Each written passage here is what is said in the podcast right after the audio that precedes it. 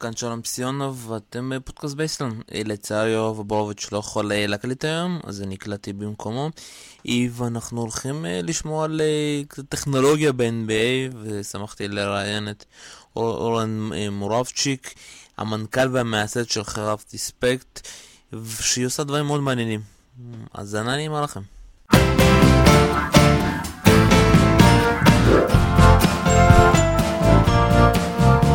והיום, כמו שהבנתם, אנחנו בפרק מיוחד אה, על טכנולוגיות בכדורסל, NBA, ואנחנו כאן עם אורן מורובצ'יק, אה, אה, היזם של חברת ריספקט. מה קורה אורן? מצוין, מצוין, מה נשמע? מעולה, אז קודם כל בואו בוא תנסה קצת להסביר לאנשים שלא מכירים מה זה הסטארט-אפ שלכם ומה הוא בא לשנות. הסטארט-אפ שלנו בא, לשנ... בא לעזור לשפר את כל האספקטים של כליאה בכדורסל. משיפור כליאה לצפייה, ב, ב, להבנה וצפייה ב, במשחק כדורסל. מה שאנחנו עושים זה יוצאים, יוצאים מהנחה, יש לנו תזה שאומרת אה, שלא מספיק למדוד כליאה דרך אה, אחוזי כליאה. אם הכדור נכנס או יצא, אז הם, כמובן שזה הדרך שבה מודדים היום כליאה, אבל אם אתה מסתכל על דיוק, כמו שאנחנו בארץ מכירים ממקבצים ומכליאה, אתה יכול לקבל מידע יותר רלוונטי. אם אתה תסתכל לא רק אם הכדור נכנס או יצא, אלא איפה הוא פגע, כמה מרכזית הייתה הכלייה, האם הזריקה פגעה בדיוק במרכז או קצת הצידה או הרבה הצידה, אתה תגלה פתאום שאתה יכול לשפר שחקנים, כי לשחקנים יש או שגיאות או יכולת לשפר, או חוסר עקביות. אתה תגלה שאתה, שאתה יכול לשפר את חוויית הצפייה במשחק, כי להסתכל על מקום הפגיעה הוא מספר סיפורים חדשים שלא נספרו עד היום, ובעצם זה משהו שרלוונטי לכל מי שחווה כדורסל. אני אגיד לך שכבר, אתה יודע, שאותי זה מאוד מעניין, כי אני מאוד אוהב שטכנולוגיות נכנסות לתחום הכדורסל, ואני אתן לך את שתי האסכולות. יש את האסכולה של הכדורסלן הישראלי, שבקיץ הוא הולך לים ולא כל כך משקיע בעצמו, ויש את האסכולה ב-NBA, שבקיץ הם עובדים יותר קשה מאשר בעונה רגילה. אתם באים לשפר את השחקן יותר, אפשר להגיד, אה, הזר האמריקאי שמבין את החשיבות של הכלייה וכמה חשוב לשפר? אנחנו, קודם כל הכלי, הכלי שאנחנו, אני לא, לא אמרתי מה הכלי, הכלי שאנחנו בנינו זה אה, חיישן שאתה מתקין פעם אחת על סל מאחורי, מאחורי הלוח בצורה שהיא אה, לחלוטין לא מפריעה, והחיישן הזה מוציא את המידע על מאיפה נזרקה זריקה, איפה היא פגעה, כל הפרמטרים הרלוונטיים, ומנגיש את זה לשחקן ולמאמן שלו ולשאר האנשים הרלוונטיים במערכת. שחקן, אנחנו מדברים הרבה עם מאמנים ועם שחקנים בארץ ובארצות הברית. ובכל הרמות בארצות הברית, מקולג'ים ל-NBA לבתי ספר גם. אמ, אי אפשר לעשות הכללה על איפה שחקנים מתאמצים יותר, אה, כן אפשר לעשות הכללה שאומרת מי שמתאמץ יותר, מי שעובד יותר קשה, מי, ש... מי שקורע את התחת, יגיע רחוק. ולא חסרים סיפורים של, של אה, ספורטאים כאלה, ב... של אתלטים כאלה בספורט שלנו. הכלי הזה מיועד למי שזה לא יהיה. אם אתה שחקן צעיר שרוצה, שרוצה לשפר את הכלייה ושאתה מבין ש... שהם בסופו של יום, בסופו של, בסופו של דבר, אם אתה תשים, תקלע עוד נקודה או עוד שתיים או עוד שלוש ותעמוד על הקו עם יותר ביטחון, או תקלע את השלושה אחת, זה מה שיעשה את ההבדל לקבוצה ולך ולקריירה שלך. אם אתה בן אדם כזה ואתה רוצה לעבוד ולהשתפר, אתה, אז הכלי הזה יעזור לך לעשות את זה יותר מהר, יותר ביעילות. אה, שוב, גם בארצות הברית אנחנו שומעים על שחקנים שהם שיותר יותר עצלים ושחקנים שיותר משפיעים, על שחקנים של 20 מיליון דולר לעונה שנתנו להם איזשהו כלי, לא, לא כלי שלנו, שמשפר אותם, שהוכיח שהוא משפר אותם, אבל הקליברציה שלו כל אימון לוקחת כמה שניות, אז הם מוותרים על זה. ויש שם מנהל שחקנים להפך, שמשקיעים כל רגע בלמצוא ולנסות ולראות מה יכול לשפר אותם. טוב, אז בואו באמת אולי קצת הלכתי יותר מדי קדימה, אז בואו נחזור אחורה, מאיפה הוא הגיע בכלל הרעיון לפתוח את החברה, אה, איך כאילו, כל הדברים מאחורי הקלעים. אה, אני מגיע מעולם של כליאה למטרה ברובה. יש לישראל, או יותר, יש לישראל נבחרת כליאה מדהימה, בכליאה אולימפית. מדהימה בגלל האנשים, בגלל הספורטאים ובגלל המאמנים שנמצאים שם. ואני כל החיים שלי עסקתי בכליאה, שזה לשכב או לעמוד או לכרוע, ולראות ולנסות לשים כמה שיותר כדור, לשים את כל הכדורים בתוך מטרה מאוד קטנה. ואני חושב שלאף אחד בישראל לא זר המונח של מקבץ והמונח של, והנושא של דיוק, וכל אחד יראה. ומדדו אותו במקבצים. במקביל אני חובב כדורסל נלהב והרבה מאוד פעמים לאורך החיים שלי הייתי קם בשלוש בבוקר לראות משחק NBA, הייתי משחק גם בעצמי חובבני. והיה לי ברור כבר במשך שנים שאני רוצה לחבר את התחומים האלה, שאני רוצה למדוד קליעה בכדורסל ככה. כשהתחלתי לעבוד על זה, כשנוצרה הזדמנות, והתחלתי לעבוד על זה לפני שנתיים ומשהו, גיליתי שיש בישראל תשתית אדירה של ספורט וטכנולוגיה, יש אנשים וחברות מדהימים, יש את ספורט ויש את אה, גל עוז, יש את WSC, יש את דניאל שיכמן, יש חברות מ PlaySight ומספורט ומקי תמיר ואין ספור אנשים, ויסלחו לי מי שאני לא מזכיר אותם כרגע, יש, ישראל היא מעצמת טכנולוגיית ספורט, וכש... התייעצתי עם האנשים האלה, הם ישר דחפו אותי קדימה, ריפליי של אורן יוגב כמובן ושל, ושל, של האחים שפירא, אה, דחפו אותי, הביאו אותי ישר למקומות הכי, לטופ של ה-NBA ישר, לליג אופיס, הביאו אותי למאמנים ולקבוצות, ראינו שהדבר הזה מעשי ורצנו עם זה. בוא תנסה קצת להסביר איך, מה זאת אומרת לרוץ עם זה, כי תהליך, אתה יודע, במיוחד בארץ, ובארץ זה יותר קשה, שאתם בונים חברה שהיא מיועדת יותר לתחום, אפשר להגיד, לשוק האמריקאי, כי אני קצת מכיר, אתה יודע, את האנשים שאחראים גם על Pixellot, גם על PlaySight, והם אומרים שאין כאן שוק בארץ. אז בוא תנסה להסביר איך זה עובד אצלכם. זו שאלה טובה. יש פה שני אספקטים. יש פה אספקטים של גישה לסטארט-אפ באופן כללי. בסטארט-אפ באופן כללי אתה יוצא מהרמה, מ... יש לך סט של הנחות. אני מניח שאם אני אבנה, אתן מוצר X למשתמש Y במחיר Z ואני אגיע אליו ב, ב, בערוץ W, ואז אז זה ייצר לו ערך, ואז אני אוכל להגדיל את זה ולעשות לזה scaling בצורה מסוימת ולהגיע למספיק קהל בשביל שיהיה פה מספיק business. זה הנחות של סטארט-אפ באופן כללי. ספורט, אה, בארץ זה מאוד שונה, זה, זה מאוד משנה בין טכנולוגיות. בארץ כבר מרגע אפס היו אנשים שמיד קלטו את הערך ונתנו את הטיפים ונתנו את העצות ונתנו את הכישורים גם בעולם הספורט, ויש אנשים שאנחנו, ש, שאנחנו עדיין מנסים לעבוד איתם. יש בישראל מגבלות של תקציב, יש בישראל מגבלות של קבוצה גם קבוצות בטופ אין להם מתקן אימונים פרטי משלהם שהם יכולים להתאמן בו והם uh, חולקים אותו עם קבוצת uh, כדוריד uh, ילדים או כל מיני קבוצות אחרות. אז מבחינת משאבים, מבחינת כסף, מבחינת רוחב פס, מבחינת היכולת של מאמן לבוא ולהקצות, להשקיע זמן ומאמץ ולקבל את הגב לזה, ישראל היא מקום יותר בעייתי. אבל באמת ההנחה שלנו הייתה להתחיל בארצות הברית בגלל שארצות הברית זה ה-Tier 1, זה, זה המקום שקובע את ה... שקובע את המגמות בספורט, בטח בכדורסל כשיש את ה-NBA. גם יש לנו מזל, כי ה-NBA זה אחת מהליגות, מתוך הליגות המקצועניות בארצות הברית, מתוך NFL, בייסבול, אה, אה, שאר הליגות, אז ה-NBA מאוד חזקים בטכנולוגיה, מאוד מואר, מבינים את הערך. אסטרטגית, מה שעשינו זה מצד אחד לבנות, לבנות מוצר כמה שיותר מהר, לבנות הדגמת יכולת ולהגיע עם משהו שאפשר להראות ושמדגים את הערך. ומצד שני להגיע, להתחיל, להתחיל באמת משיחות עם האנשים, ש, עם האנשים הנכונים, שזה אנשים בהנהלת ה-NBA ועם אנשים מאמנים ושחקנים בקבוצות NBA. ובוא תנסה אותנו ללכת לכיוון, החלטתם שאתה פותח אה, חברה, אה, איך פותחים חברה, שוב פעם סטארט-אפ שפונה לשוק האמריקאי, אה, אתם צריכים ליצור איזשהו מוצר, איך יצרתם את החיישן הזה? חיישנים עשינו, אה, פה הכנסנו, מתודול... זה מתודולוגיות של סטארט-אפים, אתה פותח חברה, אתה יש בישראל את, את האנשים ש, שעשו את זה עשרות פעמים ו, ושיש את כל הידע, איך, איך אתה עושה את התהליך הפרוצדורלי.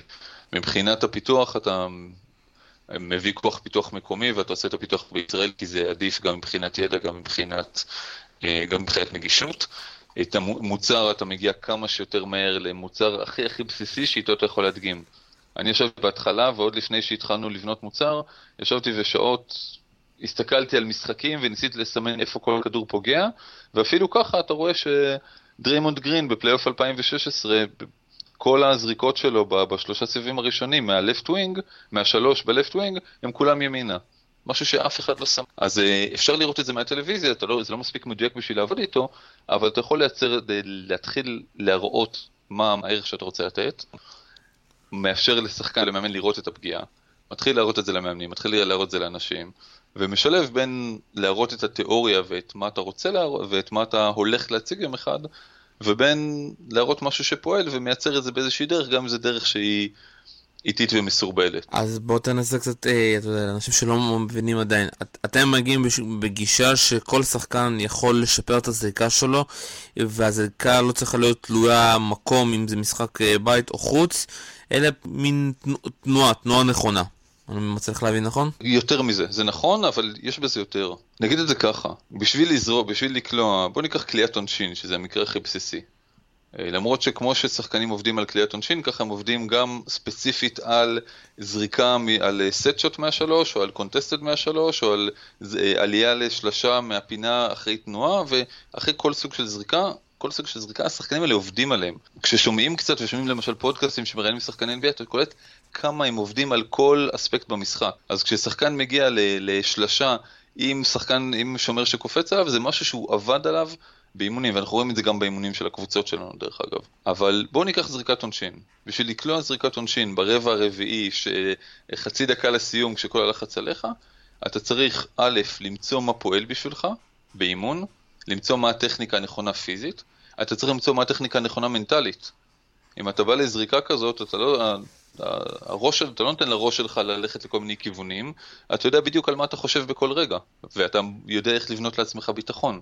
אלה דברים שעשינו בנבחרת ישראל בכלייה, וזה פעל ברמות מדהימות. אתה עושה את זה באימונים, אתה, מגיע, אתה מוצא משהו שאתה, שנראה לך שעובד באימונים, הולך לתחרות, בודק את זה בתחרות, רואה איך אתה, איך אתה פוגע בתחרות, ואז כשאתה רואה איך, איך הגוף שלך מגיב, למשל שחקנים, שוב, ברמות הגבוהות ביותר, ש, שכשהם זורקים עונשין פתאום הם קצרים מדי, או קצת שמאלה, או קצת שמאלה למעלה, ואני בכוונה לא מחבר שמות, ואז אתה חוזר לאימון, רואה מה גרם לזה, מוצא איך לתקן את זה, מגיע לתחרות, לתחרות הבאה, ומתקן את זה.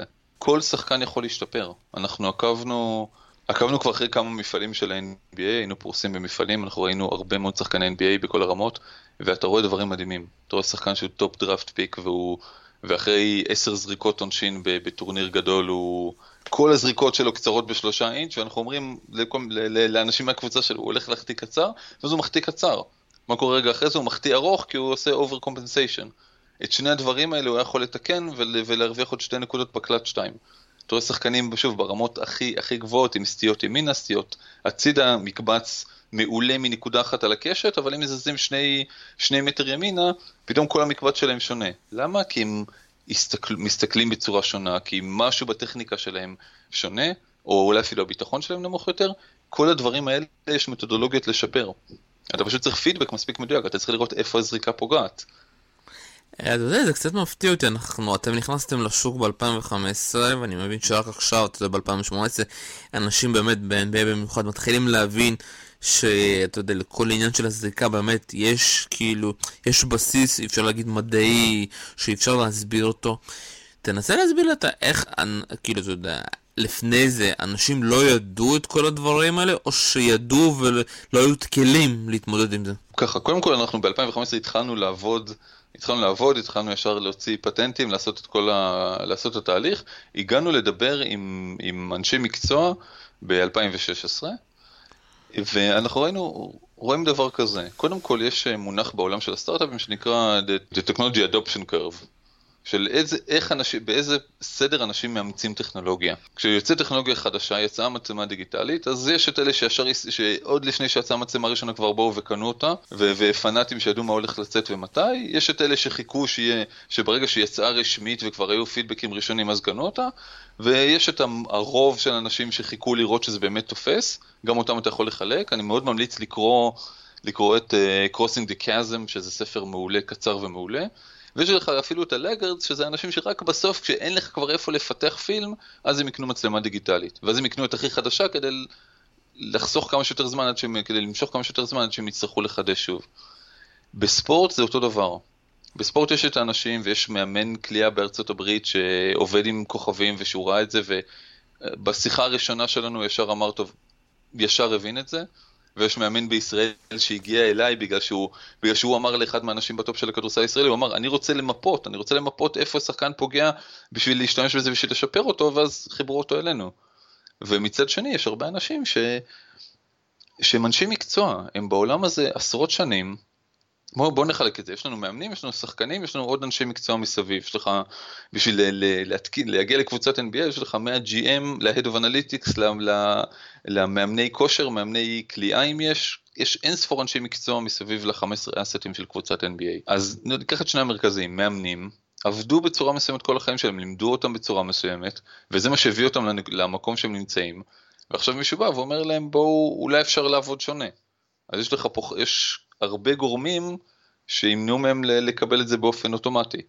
מבחינת שחקנים, שחקנים הם בבעיה אחרת, שחקנים א' מוצפים במידע, כל בן אדם שלישי בא אליהם ומספר להם איך הוא יכול לשפר אותם באיזושהי צורה. בין אם זה עם איזה כלי לשינה או עם איזה משהו שמנטר להם את, ה, את התנועה, שדרך אגב יש חברות כאלה ויש להם הרבה ערך, לכלים של ניטור של כל אספקט של, הח, של, ה, של מה שהם עושים. לא תמיד היה להם מאמן כליאה מספיק טוב כשהם בנו את הכליאה שלהם. לא תמיד יש להם את הזמן לבוא ולהשקיע ולשפר את הכלייה. אם גם משחקן אומר, אני רוצה עכשיו בקיץ לעבוד על כליות עונשין שלי, עם מי הוא יעבוד? הוא יכול לשאול את החבר'ה, לנסות להבין מי מאמן כלייה טוב, ואז הוא צריך להמר על מישהו, ואם המישהו הזה לא מספיק טוב, אז הוא בסיכון של לרדת. אם תחשוב על שחקנים, אה, על שחקנים, בין אם זה בישראל או בין אם זה ב-NBA, שחקנים שאם הם ישפרו את הכלייה, הם יהיו שווים יותר, אבל אם, הם, אם הכלייה שלהם תיפגע, אז הם עלולים לאבד את המקום שלהם ב-NBA, אז פתאום אתה מסתכל על, פתאום הם, מערך קבלת ההחלטות שלהם הוא מאוד מוטה. ואני חושב שהדבר, שהנקודה העיקרית זה נקודה של, שהתעשייה צריכה לקבל את זה. זה שכמו שאמרנו, Technology Adoption Curve, צריך להגיע לנקודה שמספיק אנשים רואים את הדבר הזה קורה, מספיק אנשים מקבלים את הוולדס, מקבלים שקט, ואז רוב השוק ייכנס, ואנחנו לשמחתנו נמצאים במקום מאוד קרוב לזה. אז בואו באמת תספר עם איזה קבוצות אתם מדברים, איזה קבוצות כבר אה, באמת אה, משתמשות בכלים שלכם? אז אנחנו, האמת ש, שפה אנחנו אחרי קצת התייעצות, אנחנו לא, לא יכולים לספר כרגע, אבל אנחנו משתמשים בשתי, יש שתי קבוצות NBA שכבר משתמשות בכלי, יש, אה, יש גם קבוצת קולג', אנחנו במגעים עם רוב הקבוצות. מעבר לזה, זה אספקט אחד, זה שיפור הכלייה, יש את האספקט של השידור, וכאן מי שראה את All-Star 2018 מוזמן, או מי שלא ראה מוזמן לפתוח את תחרות השלשות, ולראות שבתחרות השלשות הכלי שלנו שימש ל- לראות live איפה כל שחקן פוגע, ויש מקרים מדהימים אפילו בתחרות עצמה של, שחקן ש... של שחקנים שככל שהתחרות נמשכת הפגיעות שלהם בורחות יותר ויותר ימינה, או פול ג'ורג' ש... שזרק חזק וימינה מדי מכל השלוש עמדות הראשונות ולאט לאט ורק בסוף מאחת מכמה סיבות, את זה המאמן שלו ידע, הצליח להתאפס חזרה. אז uh, אנחנו נמצאים גם שם, גם בשידור, גם במגעים עם הליגה על עוד כמה אספקטים שהמערכת יכולה לתת, ואנחנו במקום uh, מאוד מאוד נחמד. בארץ אנחנו מדברים עם כמה, מ... יש כמה מאמנים וכמה אגודות שאולי נעבוד איתם, הארץ uh, זה בונוס גדול ואני מחכה כבר שנוכל לתת לנבחרת ולכולם, קחו את הדבר הזה, תשתמשו בו, יאללה תעשו זה, תעשו חיל. אז כשאתם מדברים עם הקבוצות, אה, אתה יודע, מ-NBA ואתם שמים להם את החיישן, איך זה בדיוק עובד? יש להם אפליקציה מיוחדת שבו הם רואים את המקבץ של הקליעות, אתם צריכים לעבוד עם, עם המאמנים ולהסביר להם איך המערכת עובדת? אני אתן דוגמה. קודם כל זו שאלה טובה וזו שאלה שהיא, דמיינו, בואו ננסה לעשות את זה בצורת, אה, בצורה די פשוטה. הגענו לקבוצת NBA, התקנו את המערכת. מגיעים כל עוזרי המאמנים ואנחנו מסבירים להם על המערכת, יש להם כמובן מסך ענק, טלוויזיה ענקית ליד הסל, אה, מתקן אימונים של קבוצת NBA, דרך אגב זה אחד הדברים היותר כיפים ומפנקים שיש, וזה כיף לעבוד עם האנשים האלה, הם עושים את ה... זה, זה פשוט מהנה. מגיעים עוזרי מאמנים, אנחנו מציגים להם את המערכת, מסבירים מה זה עושה, התקנו את החיישן מאחורי הלוח, לקח לנו בדיוק 20 דקות, וזו עוד התקנה בקבוצת NBA כי אתה מתקין יפה ואליגנטי, הרוב זה למתוח חוטים ולעלות על סולם בשביל להגיע פעם אחת לסל. התקנו, ועכשיו אנחנו על טאבלט, או על המסך שם, או על כל כלי, כל מסך, יכולים להראות, איפה, להראות את הפגיעות. אז הדגמנו להם, הסברנו, נתנו להם הסבר, ואז שאלנו מי רוצה להתחיל לזרוק. עוזר מאמן אחד אומר יאללה אני אזרוק, אמרו לו אוקיי בוא תזרוק 20 זריקות מהפינה. ניגש לפינה, לקח 20 זריקות מהשלוש, כלה 50% מהם, שזה לא רע בכלל, ואז אנחנו מראים לו את המקבץ, ותוך כדי שהוא זורק, המאמנים האחרים קולטים מה קורה, כי הם רואים מפה, הם רואים מפה של הטבעת, הם רואים איפה הפגיעות פוגעות, והם רואים שכל הפגיעות שלו פוגעות שמאלה מדי, הוא מתרחק, הוא בורח מהלוח, הוא פוגע רחוק מדי מהלוח, הוא לא ממורכז. הוא פוגע בצד של הטבעת. עדיין הוא קולע 50%. אבל אנחנו אומרים להם להיות בשקט, הוא מסיים את ה-20 זריקות, חוזר, ואנחנו מראים לו את זה, ואומר, אה, אה, רק רגע, אני כולי, אני, אני לגמרי באופסט, אני ב-40 אינץ' אוקיי, אני יודע איך לתקן את זה. ואחרים מתחילים להגיד לו, בוא תעשה, תעשה ככה, תעשה ככה, אומר להם, לא, לא, עזבו, אני יודע. חוזר, זורק עוד 20 זריקות, חתך את האופסט שלו, את, ה, את, את, את הסטייה שלו, את, את הסטייה בין מרכז המקבץ שלו למרכז הטבעת, חתך את זה מ-4 אינץ' לאינץ', ופתאום קלה 70 אחוז. ככה, ברגע אחד, בחמש דקות, ב-40 זריקות, הבן אדם מצא דרך לשפר את הכלייה שלו. ואין הוכחה יותר טובה. עכשיו, הגישה של לבוא ולזרוק 20 זריקות, לבדוק את, ה, לבדוק את האיכות שלהם לש, ולנסות איזשהו שיפור ולזרוק עוד 20 זריקות ולבדוק אותם, זה מתודולוגיה שהבאנו מהעולם, שהבאנו מהעולם של כליאה למטרה. יש הרבה מתודולוגיות, גם טכניות וגם מנטליות שאפשר להשתמש בהן, אבל זה איזשהו בסיס וזה כלי אחד. כלי אחר יכול להיות לבוא ולתת לשחקן לזרוק 500 זריקות, כמה, כמה שהוא לא זורק באימון, הוא עושה את אותו אימון רגיל, אבל הפעם הוא מקבל פידבק ורואים מכל אזור שהוא, מכל עמדה שהוא זורק בו, מכל טכניקה, הוא יכול לזרוק אה, שוב סט שוטס או קונטסטד שוטס או בתנועה, לכל, לכל טכניקה כזאת, אתה יכול לראות מה המקבץ ואתה יכול לראות איפה יש שגיאות ואז אתה יכול לתקן אותם. ואתה מתקן אותם ואז אתה משפר את הביטחון שלך כי אתה רואה כדורים פוגעים ב-X, לא סתם נכנסים, ויש לך משהו להדפיס ולראות ולהגיד וואלה, מפה אני רוצה לקחת את הזריקה. איך אתה מסביר? נשמע ברור? כן, כן, נשמע מאוד ברור. אני מנסה פשוט להבין, אי, אתה מרגיש ש...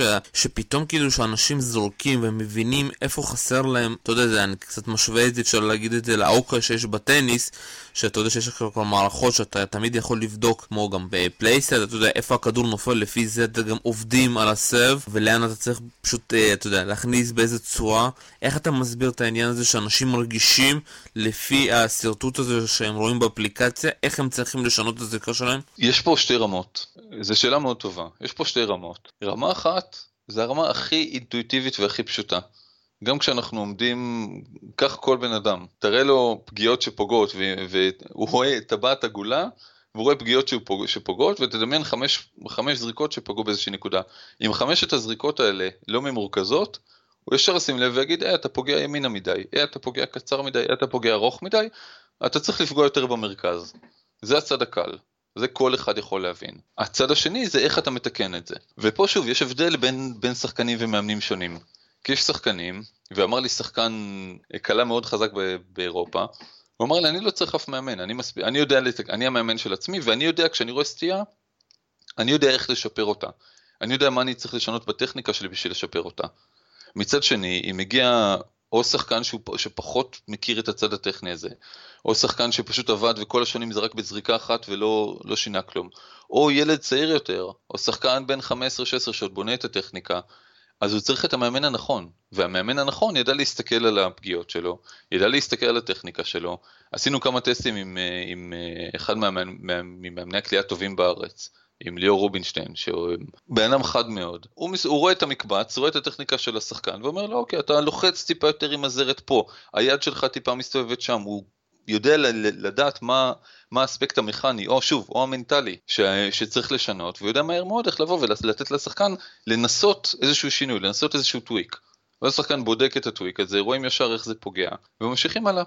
וככה עושים תיקונים. אז, אז אתה חייב בשביל זה פידבק מדויק, אבל ברגע שיש לך פידבק מדויק, אם, אה, אתה, יש לך, יש כמה דרכים לקבל מהם את המידע של איך, לש, איך לשפר את זה, איך לשפר את, את עצמך. אתה יודע, מה שאני מפחיד אותי, שאתה יודע, לאט לאט זה ייכנס, ואתם גם תיכנסו לקולג'ים, וזה, אתה יודע, ייתן איזשהו פתאום יתרון לקולג'ים שכן יש להם את המערכת שלכם, ולכאלה שאין, ו, ובמיוחד בגילאים האלה, שם זה מאוד חשוב, אתה יודע, כל יתרון שיש להם, אפילו טכנולוגי. זו שאלה טובה, אבל החדשות הטובות הן שהמערכת, אה, עשינו אותה כל כך אלגנטית ואנחנו עובדים, אה, והיא תהיה כל כך פשוטה, אנחנו עובדים על זה עכשיו, וזה נראה מאוד מאוד מאוד טוב. המערכת הזאת תגיע לכל סל, היא תגיע גם לסלים בספורטק ב- ליד הבית שלכם. זה יהיה משהו ש- שיהיה או בלתי בסל, או שאתה אפילו ניגש לחנות הספורט, קונה גאדג'ט קטן, שם אותו פעם אחת על הסל וזהו, הסל שלך ממוחשב. אתה יכול לעבוד על זה בבית וזה נגיש לכל ילד בכל מקום, לכל ילד, לכל מקצוען בכל מקום. וזה תוך שנה, שנתיים טופס. מצד שני, אה, בכל מקום בעולם, בעולם הספורט, מי שמשקיע יותר, בין אם, אה, ברור שלמי שיש יותר כסף יש, יתרון, מי שעובד יותר קשה ועובד יותר נכון יש לו יתרון. אצלי כל, ה, כל ההישגים שלי בכלייה בנבחרת לא היו על כישרון, היו על, על עבודה מתודולוגית ונכונה. פה פשוט, אני אגיד, אני אגיד רק שמי ש, שזז קודם ישיג את היתרון קודם, ככה זה. וככה זה גם דרך אגב עם כל ה... עם טכנולוגיות אחרות, כמו, טכנולוג, כמו טכנולוגיות לבישות ו, וטכנולוגיות וידאו וכל שאר הכלים שהיום נוצרים ושמאפשרים לספורטאים ולמאמנים להתקדם יותר מהר. אני, אני איפשהו אפילו אומר שאני קצת מרחם על הספורטאי שהוא בן, בחור בן 15 בתבחר ספורט כלשהו. והוא מוצף בכל מיני כלים ש, שכל אחד שקשה לו להעריך ומה להשקיע את הזמן, יש לו 24 שעות ב- ביום, מתוכם איקס שעות שהוא צריך לישון, וכלים שאומרים לו גם כמה לישון בשביל, אה, בשביל אה, ל- לשמור על הכושר. יש אין ספור כלים, ויש לו זמן מאוד מוגבל, יש לו יותר מדי אנשים שאומרים לו מה הוא צריך לעשות. לך תדע בכמה מסגרות הוא מתחרה, והוא צריך לבחור במה להתמקד. אז פה ספציפית לנו יש, אה, יש איזשהו יתרון, כי לא משנה, לא משנה כמה רצת, לא משנה מה עשית, מה עשית במשחק, אם בסוף אתה לא מסוגל לשים את הכדור בסל, או אם בסוף יש לך יתרון ואתה תהיה שחקן שקולע 90% מהקו, אז אתה תהיה... אתה תהיה על המגרש, אתה תקבל את ההזדמנות שלך. מה, זה מאוד מעניין כל המערכת הזאת, ובוא תנסה את זה קצת uh, מהחוויות שלך, אתה יודע, אני מאמין שהיית הרבה פעמים בארצות הברית וניסית להסביר לכל מיני אנשים על המערכת.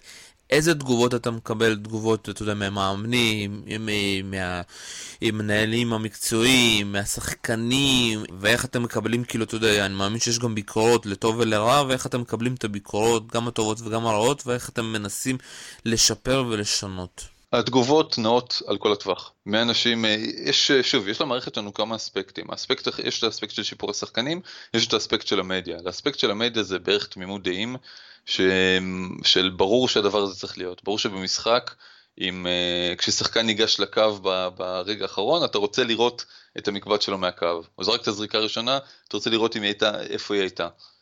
אה, רגע לפני, timeout רגע לפני ההתקפה האחרונה כשאתה במינוס שלוש, אתה רוצה לראות את המקבצים של השחקנים ש, ש, שמועמדים לזרוק את הזריקה, ולא רק אם הם קלעו אחד משתיים או אחד משלוש. אז כאן תמימות דעים, כל מי שמראים לו את זה, זה ברור לו, וכאן כבר הגענו ל All-Star, ולהיות חלק מהחוויה של, אה, של שידור, להיות חלק מהחוויה של להיות על הפרקט במשחק, חוויה מדהימה. אבל אתה שאלת יותר על הצד של, של שיפור קליעה, וכאן אנחנו מקבלים תגובות על כל הטווח. עוזרי מאמנים בקבוצות, בקבוצות הכי גדולות שהם, שהם שומעים על זה וישר אומרים לך לא, מה פתאום, אני רואה, אני יודע, אני שם, אני יודע איפה כל זריקה שכל שחקן לוקח באימון פוגעת, ומה שאני, מה שאני מפקפק בזה קצת, אבל בסדר, ומתגובות כאלה לתגובות של, לתגובות לגבי הנושא של אה, כמה זה יהיה שימושי, של כמה מעשי זה להשתמש בזה, כי אחד מהאתגרים של טכנולוגיות זה לא רק שהיא תהיה פרוסה, אלא שגם אנשים יוכלו להשתמש בזה בקלות. אצלנו שוב, אנחנו במקום טוב בגלל שהשחקן לא צריך לעשות כלום, זה נרשם אוטומטית. אנחנו מקבלים תגובות, יש תגובות ביניים. יש הרבה אנשים שמבינים את הערך, רואים שיש בזה משהו, קצת קשה להם לעשות את הסוויץ' ולראות איך זה, איך זה עושה את ההבדל, והם אומרים, אוקיי, אני, אני מבין את זה, זה ברור לי, אבל איך, איך מעשית אתה משפר, איך אתה, תיאורטית זה ברור לי, אני צריך להבין איך זה, איך זה ישפר מעשית, ושם אנחנו כבר, אנחנו מייצרים עוד ועוד דוגמאות של איך מעשית שחקנים משתמשים במערכת בשביל להשתפר, ויש לנו לא מעט דוגמאות, ועד אנשי, ועד אנשי מקצוע שרואים את זה וישר מהרגע הראשון מבינים את זה, ואז, ועכשיו האתגר הוא יחד איתם ללכת ולהשיג את, להשיג את הוולידציה משאר אנשים בקבוצה. כי, הג'ן, כי מאמן ראשי של קבוצת NBA לא מתעסק בקליעה. ועוזרי מאמנים לפעמים כן מתעסקים, וה, וה general manager, הוא, יש general managerים שיותר מתעניינים ומבינים, ויש כאלה שפחות. אז התשובה, התשובה היותר פשוטה היא כל מקרה לגופו. יש משרעת אדירה בין תגובות ובין אה, הבנה ובין פתיחות לטכנולוגיה, בין מאמנים שונים, שחקנים שונים, אנשי מקצוע אחרים בצוות. אני אשאל אותך שאלה שאני לא יודע אם תוכל לענות עליה, אבל יש שני מאמנים שאני מכיר בארץ שדי אוהבים טכנולוגיות חדשות, שזה דן צ'מיר ודויד בלאט. יצא לכם, אם אתה יכול להגיד, לדבר איתם, לשאול אותם? ככה, עם דיוויד לא יצא לנו לדבר. דיוויד הוא לא כל כך בארץ בזמן, ברוב הזמן. עם דן שמיר יצא לנו לדבר מאוד בהתחלה, בשלב מאוד התחלתי. הוא, הוא מהאנשים אחדים שישר קולט, ישר רוצה לעשות את זה, ואז הוא נתקל במגבלת התקציב ובמגבלת ה... מי מאמן הקליעה שיתמוך בזה, ו- ואם יש תקציב ואיפה אפשר להתקין את זה. והאמת שהרבה זמן לא, לא, לא, לא התעדכנו הרבה זמן, אנחנו היינו מאוד מפוקסים על, ה, על הצד השני של הים, של האוקיינוס, אבל אנחנו נסתנכרן בקרוב. לא חסרים בישראל אנשים שישר קולטים, ישר ישר ישר קולטים ומבינים. אתה יודע, הסיבה שאמרתי לך דן שמיר, כי דן שמיר, אתה יודע, אה, תמיד שלו, כאילו מין, אפשר להגיד שהכינוי שלו זה, אתה יודע, לפטופ, וזה, וזה לא סתם, כי הבן אדם מאוד אוהב את הפרטים הקטנים, וזה, אתה יודע, הפרטים הקטנים שמשפרים, אתה יודע, בין באמת הערכה לבין ניצחון. דיברת גם על המדיה, בוא תנסה להסביר לי איך אתה חושב שזה ישפר את המדיה, כי גם אני, אתה יודע, משדר משחקים לפעמים בכדורסל, איזה יתרון זה נותן לשדר שהוא רואה את המקבץ הקליעות האלה בעונשין או בשלוש? אה, אני קודם אוסיף מילה אחת על, ש... על ההערה שלך, גם על דן שמיר, גם על דיוויד בלאט. תחשוב על האנשים האלה, כמה חברות מכל הסוגים פונות אליהם בכל רגע בשביל שייתנו ולידציה.